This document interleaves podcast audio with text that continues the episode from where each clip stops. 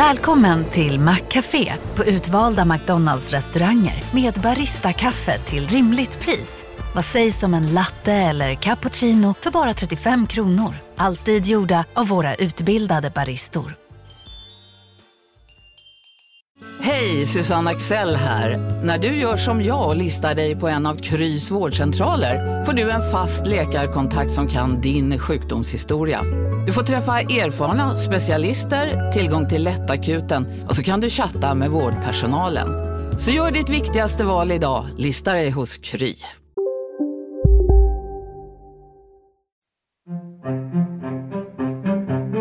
Från Monopol Media, det här är Kapitalet. Jag heter Gunnar Harjus. Jag heter Jakob Bursell. Vi är tillbaka, Jakob. Det är vi äntligen. Verkligen.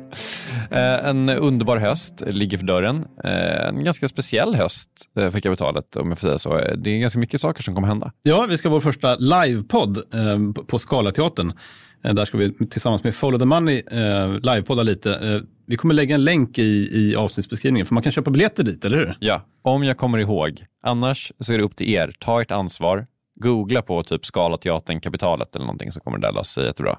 Det är faktiskt en ganska stor grej som vi ska göra som är alltså, Kapitalet live för första gången i världshistorien. Kanske sista, kanske ett unikt tillfälle Ja. att få träffa oss. Eh, sen så har vi lite andra saker på gång också. Från och med snart, exakt när vet vi inte, men snart eh, så kommer Kapitalet att publiceras två gånger i veckan. Ja, exakt. Eh, Vi har ju gått igenom många förändringar eh, de senaste åren. Det har varit lite toppar, lite dalar.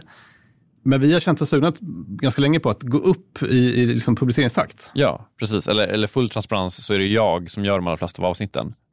Och jag har väl de senaste månaderna slash åren känt liksom, vad ska man säga, en, en, en plötslig frihet i, i tanken på kapitalet. Mm. Och att eh, liksom, det kom bara över mig plötsligt att vi kan faktiskt göra vad vi vill.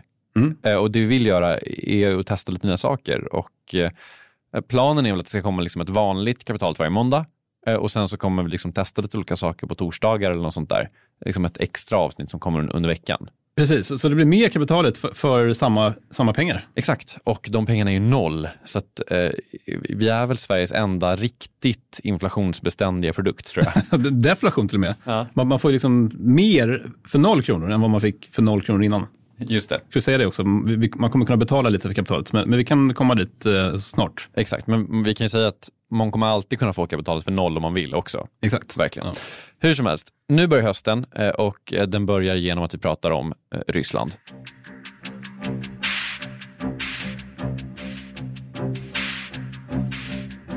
Nu är det ungefär ett och ett halvt år sedan som eh, Ryssland inledde sin fullskaliga invasion, som man säger, av eh, Ukraina. Det här vet vi alla. Ja, det, det, här- det blir ett konstigt begrepp där, fullskalig invasion. Jag antar att man liksom syftar på att Krim var en grej och invasionen var en annan. Exakt så. Ja. Mm. Eh, och jag tror att vi alla minns ungefär vad som hände de där första dagarna. Först var det någon sån total chock bara i, i min bild. Sen någon slags västlig enighet eh, och sen till slut så började man faktiskt göra grejer. Den här enigheten kom ju rätt fort får man säga. Mm. Eh, verkligen. Men det man gjorde, det var ju massor med liksom ekonomiska saker. Det vi kallar för sanktioner. Exakt, det gjordes massa saker. Det var betalsystem som eh, Ryssland uteslöts ur. Det var handelsblockader. eh, Det gjordes listor på oligarker som inte skulle få göra någonting. Och sen så... Sen hände typ inte så mycket. Och det här är verkligen bilden som man har fått, tycker jag. Eh, det här bara pågår. Som om de här sanktionerna som, som man var liksom unikt enig om i en jättestor del av världen inte hade någon effekt eh, överhuvudtaget. Exakt. Så, så det vi ska göra idag, det är att ställa oss frågan, hur kunde det bli så? Eller kanske snarare, är det så att sanktionerna inte har åstadkommit någonting? Vad säger det här om sanktioner och dess kraft överhuvudtaget? Och om de inte har hjälpt, vad kan vi göra annorlunda? Kort sagt, vad hände egentligen med sanktionerna efter det här?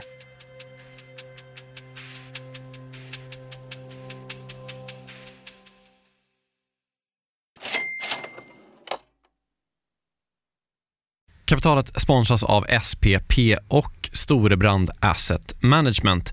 Eh, Storebrand och SPP hör ju ihop sedan många år. Och utan att gå in på några detaljer här och nu så kan vi i alla fall säga att eh, Storbrand förvaltar över 1200 miljarder kronor, bland annat åt just SPP. Och du har ju träffat Storbrand, Jakob, och pratat om eh, Kina. Ja, eh, vi, vi pratar i alla fall om hur Kina blivit en sån otroligt viktig del i omställningen av energisystemet. Eh, över 70 procent av värdekedjorna inom vind och solkraft kontrolleras av Kina, vilket mm. är otroligt när man tänker på det. Ja. Och Det handlar om att Kina väldigt tidigt insåg att energi är makt och att man genom sol och vindkraft kan göra sig typ fri från att importera olja och gas och sånt. Then if you think that tomorrow or today's you know power base is going to in a large part be about renewables, then obviously having a stranglehold on those renewables and all the technologies that go into it is going to be part and parcel of that power play. Eh, det här är då Philip Ripman som ansvarar för Storbrand Global Solutions, eh, en fond som investerar i lösningsbolag över hela världen. Mm. Och hela det här avsnittet om Kina och geopolitiken som nu liksom är invävd i den globala omställningen, eh, den släpper vi som en bonus här i kapitalet nu i veckan.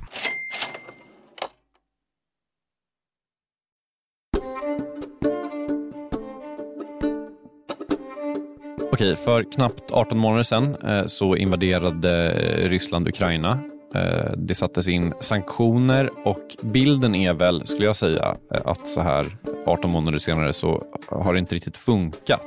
Nej, alltså, det här kriget fortsätter ju i alla fall och, och även om det kanske inte går så bra för Ryssland så bedriver de det här kriget eh, fortsatt i liksom full vigör får man säga. Verkligen. Och det här är ju då bilden som även jag hade tills jag pratade med Maximilian Hess. You can call me Max, everybody does. Max Hess är författare till boken Economic War som handlar om, surprise surprise, det ekonomiska kriget som omgärdat Ryssland och Ukraina.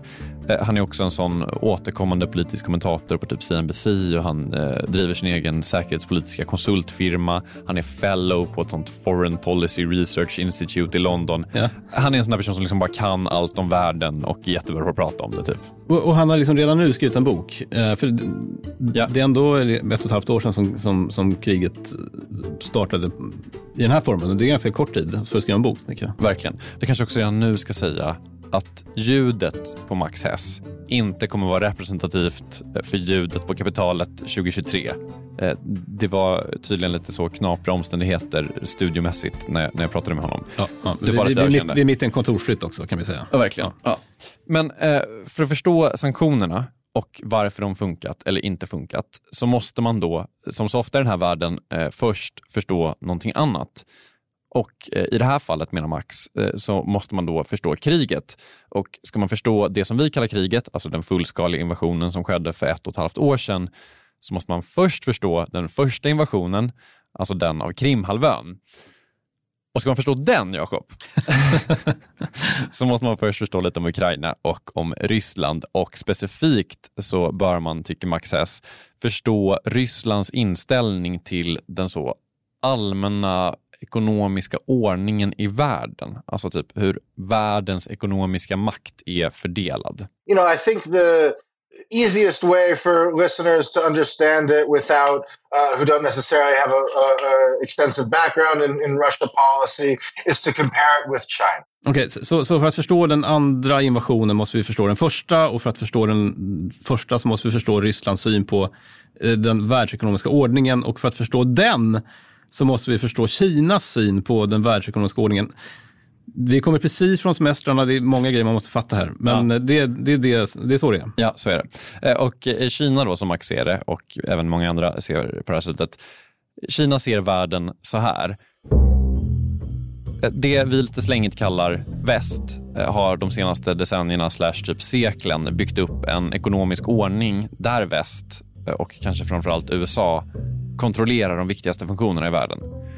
De har liksom gjort dollarn till valutan med stort V genom olika eh, liksom, metoder, då, lån och obligationer och, och, sånt där. Och väst kontrollerar också internationella valutafonden och i någon mån Världsbanken och så vidare. och så vidare. Mm, ja, de flesta fattar nog vad man menar med det. Ja, och Kina har då bestämt sig för att, vet ni vad? Eh, vi ska ta över som den centrala noden i det här väldigt intrikata systemet. Vi ska liksom bygga rivaliserande institutioner, vi ska göra länder ekonomiskt beroende av oss Man har bland annat skapat någonting som brukar kallas för The Brick Bank eh, som man kan se som någon slags utmanare till IMF. Som Kina ser det så finns det en ekonomisk ordning. Den är helt okej. Men de ska göra sig till den viktigaste delen av den ordningen. Now, Russia's approach, however, is even more aggressive than China's. All skada, enligt Max, som Putin kan göra på den nuvarande ordningen är positiv enligt Putin. Vilket för oss till 2013, innan Ryssland invaderade Krimhalvön. Då hade Ukraina en president som heter Viktor Janukovych. Det här är en person som man knappt kommer ihåg eftersom Zelenskyj har fått sån otroligt genomslag. Men Ja. han var ju inte superpopulär. Nej, det kan man säga. Inte i alla grupper i alla fall. Eh, under Janukovic så händer massa saker. Eh, jag förenklar givetvis hur mycket som helst där. Men i princip så kan man säga att stora delar av den ukrainska befolkningen ville vända sig mer mot väst och mot EU. Eh, Janukovic är till en början inte helt oävet inställd till det här. Men Putin vill att Ukraina istället ska vända sig bort från EU och gå med i någonting som kallas för The Eurasian Economic Union som Putin håller på att eh, starta på den här tiden. Som i princip är typ ett frihandelssystem, alltså en frihandelszon för postsovjetiska stater. Och, och därmed en utmanare till EU. Ja, precis. Så det Putin gör, eh, det är att han börjar eh, pressa den ukrainska ekonomin. Han börjar införa massa konstiga handelshinder och blockerar importen av stål och choklad. Och, alltså officiellt finns det en miljon typ, så här, jättekonstiga anledningar till varför de gör det här. Men eh, enligt Max så är liksom allting bara rökridåer för att skada den ukrainska ekonomin. Och varför vill man göra det? Jo, för att eh, den ukrainska ekonomin är redan dålig eh, och det som man hoppas hända är det som också händer. Nämligen att Ukraina till slut ska behöva låna pengar av Ryssland för att undvika att typ så, gå i konken. Man, man gör någon slags utpressning då, typ? Ja, det kan man väl säga. Så att Janukovic tvingas till slut flyga till Moskva. Han tar ett stort lån. Folk i Ukraina blir vansinniga. Janukovic måste avgå. Han måste till slut fly landet. Via Krim flyr han till Ryssland och Ryssland invaderar Krim.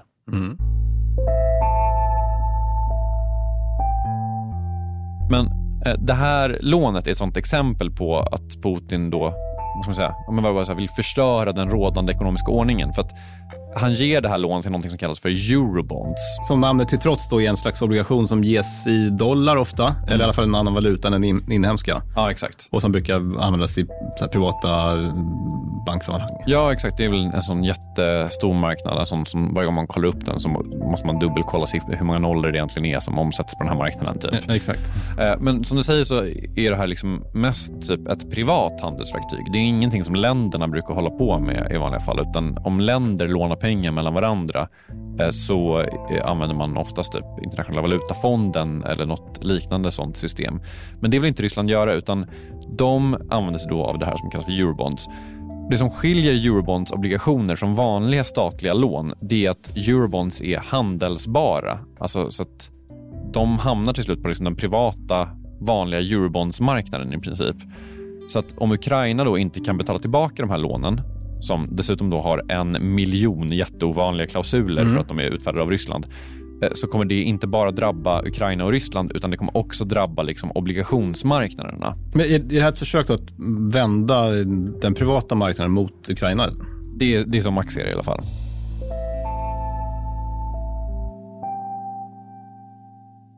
Allt det här är egentligen bara lite bakgrund till hela kriget, men det är också ett bevis, eller man ska säga, på typ så här att Ryssland och många andra länder såklart också, men, men kanske framförallt Ryssland, liksom inte alltid följer alla regler perfekt. Det är inte så typ så här, ja, alla följde alla regler och sen kom kriget och sen bara boom så håller man på med ett liksom, ekonomiskt krig och sanktioner. Alltså, så är det inte, utan det finns en ekonomisk ordning som alltid är skiftande och det är hela tiden typ en kamp om att bygga upp och rasera och förändra den här ordningen och liksom ändra spelreglerna till, till typ så här stornationers fördel. Typ någonstans. Eh, och, och sen kom ju kriget, eh, alltså kriget, kriget, eh, eller invasionskriget, Ja. den fullskaliga invasionen. Och Ja. vad, då hände det saker. Exakt, och det som hände då var ju då sanktioner. Well, one of the things that we've seen throughout this conflict is a proliferation in sanctions and a change in what they mean. Så det som väst gjorde direkt, det var det som kallas för blocking sanctions, som jag tror att det de flesta tänker på som sanctions överhuvudtaget. Eh, Alltså de här listorna som EU och USA framförallt har gjort där de skriver upp namn på privatpersoner och företag. Um, and when an individual is put on that list in the EU, it blocks um, any European business from being able to deal with them in any way. Och eh, De största eh, såna här blockerande sanktionerna gjordes då mot ryska banker. De uteslöts ur eh, det här Swift-systemet. Avsnitt 247, Jakob. Ja. ja. Mm. Och sen så eh, blockerade man också den ryska centralbanken. Men när man säger att man blockerade centralbanken, vad betyder det då? Då, då får inte de ge ut obligationer eller köpa valutor? Eller vad funkar det? Ja, men exakt så. Man får liksom inte handla. På samma sätt som man kan bestämma att nu får man inte handla med ett ryskt företag som är typ menar, säljer stål eller någonting, så får man inte heller typ köpa obligationer av ryska centralbanken. Uh, och Det här är faktiskt ett enormt slag mot hela Ryssland enligt Max. Eh, Max tycker man kan tänka på det som att det som händer när man gör det här, det är att typ så här, en dollar i Ryssland blir plötsligt värd mindre än en dollar någon annanstans. So a dollar held within the Russian financial system is worth less than a dollar held uh, anywhere else because sanctions mean there's very strong restrictions on how the Kremlin can spend it and how that money can then move back again out of Russia.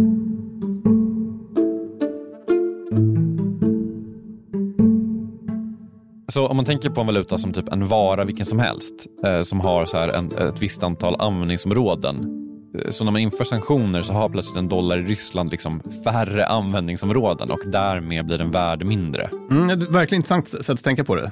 Och, och lite som liksom en dunjacka är värd mindre i något varmt land. Ja, rimligtvis ja. borde den vara det. Ja.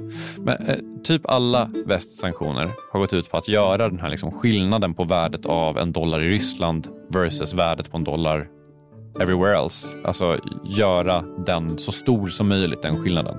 Och alla Rysslands motsanktioner, typ kontrollen över spannmål och gas och allt som de håller på med, det har liksom gått ut på att minska den här skillnaden i värde. Alltså tvinga länder att handla med Ryssland på ett eller annat sätt.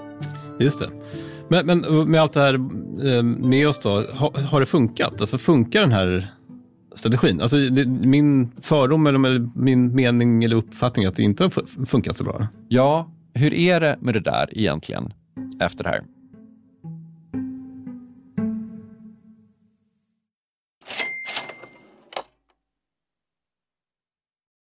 Jakob, vi har ett samarbete med Pareto Business School och det här är jag rejält nyfiken på. För att eh, eh, så här, vi jobbar ju sida vid sida, bokstavligen, sitter bredvid varandra och då och då så håller du upp ett finger och säger nu måste du vara tyst i en timme för nu ska jag eh, göra något Pareto. Exakt. Ja. Eh, jag gillar ju att lära mig nya saker, det, gör ju många journalister. Eh, så den här våren går jag då en åtta veckor lång så kallad mini-MBA. Alltså jag hade gärna gått en riktig MBA också, men, men ja, jag har inte tiden det kräver och, och framförallt ingen arbetsgivare som vill betala 800 000 för att låta mig göra det. Nej, eller kanske du har. Du är ju arbetsgivare. ja, snål, snål arbetsgivare. Mm. Det är då Jens Bäckbom och Mattias Eklöf, två svenska entreprenörer som har skapat den här utbildningen just eftersom det finns ett gigantiskt hål mellan typ YouTube-filmer och en, en riktig MBA. Ja, och det här är då Pareto? Exakt, Pareto ja. MBA. Eh, Paretos utbildning kostar cirka 25 000 kronor och, och, under åtta veckor så lär man sig jättepraktiska och tillämpbara modeller för hur man startar, skalar upp, driver och säljer bolag. Eh, Jens och Mattias eh, de håller själva i många föreläsningar. De är garvade entreprenörer båda två. Mm. Och så man så här, olika gästföreläsare som kom in. Mm. Typ någon kille som, som, eh, var expansionschef på Spotify, någon som körde marknadsföring på Revolut, en kille som driver Sveriges största campingkedja, mm. som har varit med i kapitalet faktiskt, okay. Johan Sör. Ja. Ah, just det. Också varit en helt otrolig svensk eh, entreprenör som byggt massor med grejer i Vietnam. Alltså makalösa berättelser. Oh, wow. Eh, så den här kursen består av en blandning förinspelade moment och seminarier, men man går också i då så kohorter tillsammans med andra deltagare från Sverige och utlandet. Jättenyttigt, eh, tidseffektivt och funkar jättebra för, för den som vill driva egen verksamhet som, som typ vi gör här. Eller om man typ driver projekt och affärer i större bolag. Wow. Om man är taggad på att eh, bli en del av den här, liksom, vad ska man säga, Jakob skolan om man vill bli som dig, lära sig lika mycket som, som du har lärt dig, vad, ja. vad gör man då? Eh, nästa kursstart är 5 april, så vill man ta ett kliv framåt i sin utveckling eller karriären eller så, gå då till arbetsgivaren och kolla om du inte kan gå den här utbildningen. Priset ligger alltså på 2500 euro, men ni får 10% rabatt om ni anger Monopol Media som referens när ni eh, gör er anmälan. Mm. Man kan också gå in på paretoschool.com för att läsa mer och ja, se lite smakprover från själva utbildningen. Då. Mm, så att eh, man sparar jättemycket pengar för att gå Handels MBA och man sparar ytterligare pengar om man tar del av eh, Monopol Media-erbjudandet. Ja, exakt. Ja, en no-brainer som vanligt. Mm. Plus att man blir ju eh, alumnkollega med mig då. Verkligen. Så stort, stort tack till eh, Pareto Business School och eh, gå in på paretoschool.com.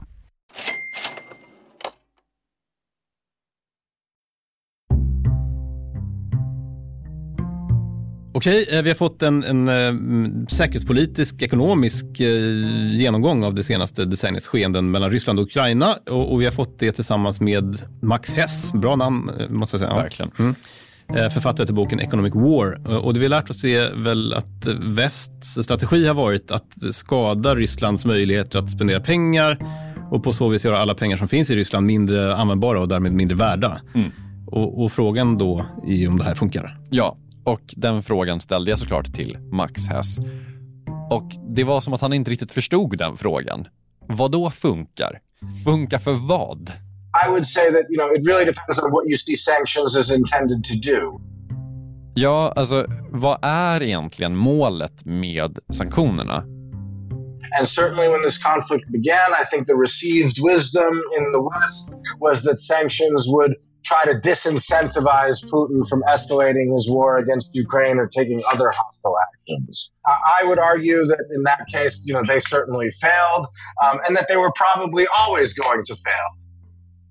Så om målet var att avbryta kriget, stoppa invasionen och liksom så här, typ, jag inte, få typ Putin att be om ursäkt, då har det uppenbarligen inte funkat. Men enligt Max så kan ingen som vet det minsta om ekonomiska sanktioner någonsin ha trott att sanktionerna skulle stoppa kriget. Varför inte? För att sanktioner liksom funkar inte så. Eller Ryssland funkar i alla fall inte så. Uh, they can work in that situation in a country um, which has significant interdependencies with the West. So the famous example of sort of successful sanctions were actually the threats of sanctions from the United States in the 1950s and 60s against South Korea to dissuade it from pursuing its own nuclear program. Um, and a country that has a democracy and is responsible to its voters and their quality of life. That's another example where um, sanctions could be effective. Men som bekant så funkar det inte riktigt så i Ryssland. För Putin han bryr sig inte om, om hur det går för, för de vanliga ryssarna? Nej, eller i alla fall inte tillräckligt för att avbryta kriget. Så att liksom, om typ sanktionernas mål har varit att här, skada den gemene ryssens quality of life, då har det verkligen lyckats. Alltså inkomstnivå och andra sådana här saker eh, har liksom, det pikade i Ryssland 2013 och har inte återhämtat sig sen de liksom gick in i Krim ens. Men, men, målet kan inte bara vara att göra vanliga ryssar fattiga? Nej, det kan väl inte det. Eller liksom, det är väl säkert en del av någon slags bredare så här, strategi. Men typ, eh, man kan väl säga typ att ett av målen har varit att göra typ Ryssland som helhet fattigare. Eh, Max S kallar det för a war by all means, alltså där målet är typ att minska den så här typ allmänna ryska kapaciteten för att föra krig överhuvudtaget.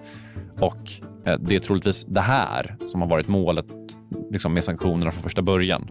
Um, I think uh, that the realization in both Brussels and in the United States that sanctions were not an effective um, tool of dissuasion, um, but were an effective um, tool for targeting state capacity.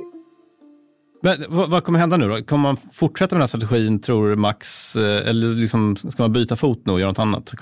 Det kommer funka till slut? Ja, alltså enligt Max Hess så funkar det här typ lite grann redan. Alltså, han menar att liksom på sikt så finns det möjligheter att det här kommer mala ner den ryska kapaciteten att föra krig överhuvudtaget. Men krig och kanske framförallt krig fört av en diktator funkar inte alltid som liksom man tänker sig att det gör. Alltså de följer inte vanliga regler eller vanliga ekonomiska regler. Så det är ju, ja, surprise, surprise, det är ganska svårt att säga hur det här kriget kommer gå. Typ. Men det han säger eh, är en nyckelgrej som har hänt, eller snarare inte hänt, det är att Kina inte har beviljat byggandet av en gaspipeline mellan Ryssland och Kina som då skulle liksom ersätta den som går till Europa. Eh, de har inte heller gett ekonomiskt stöd till Ryssland under det här kriget. Alltså, eh, ja, eh, förenklat kan man säga att Kina inte så fullt ut har hjälpt Ryssland i det här ekonomiska kriget och det är väldigt, väldigt viktigt.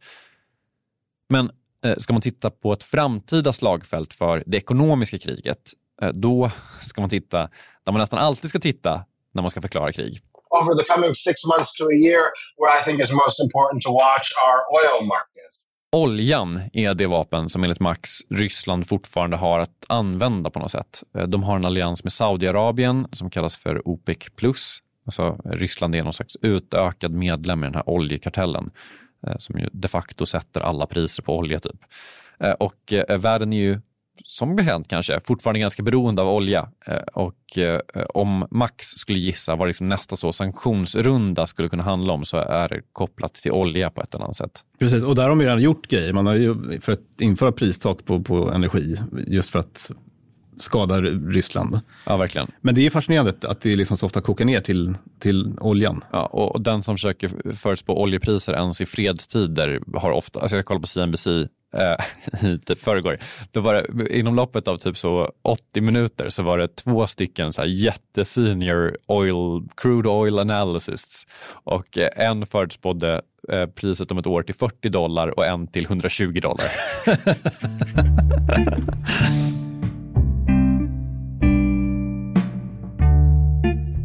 Men eh, ska vi bara sammanfatta läget då lite grann e, e, enligt Max Hess syn på det här. Funkar sanktionerna eller inte? Ja, alltså så här. Sanktioner kommer inte att avsluta kriget. Det, det, kommer inte vara så här, en sanktion till så typ drar, retirerar vi alla trupper. Det kommer liksom inte hända. Men det funkar på vissa sätt och i bästa fall så kan det kanske komma att förkorta kriget. So if you want to try to limit Russia's state capacity and ability to pursue this war uh, without directly getting the EU um, or, or other countries involved in it, then the best and most effective tool, even if they're not perfect, are sanctions. And it is sanctions that are really causing pain for the Russian economy now um, and that are uh, um, ultimately have the best chance of weakening Putin's ability to continue to wage this war, along with continued support um, for Ukraine. Härligt! För en gång skull ett ganska rakt svar ändå, får man säga. ja, faktiskt. En rivstart på höstsäsongen. Ja. Eh, kapital till slut. Maximilian Hess bok heter Economic War, Ukraine and the Global Conflict between Russia and the West och är mycket bättre än Max ljudkvalitet, så att, eh, läs den. Vi som fortsättningsvis gör kapitalet är du och jag, alltså Gunnar Harjus och Jakob Wichell. Kristoffer Krook mixar och på Twitter, där vi nu börjar tugga igång så smått, heter vi Kapitalet. Vi hörs där. Hej då! Och innan jag säger hej så ska jag säga att ni ska gå in på Skala Teaters hemsida och kolla på biljetterna. 21 september, livepodd Kapitalet och eh, Follow the Money. Hej då!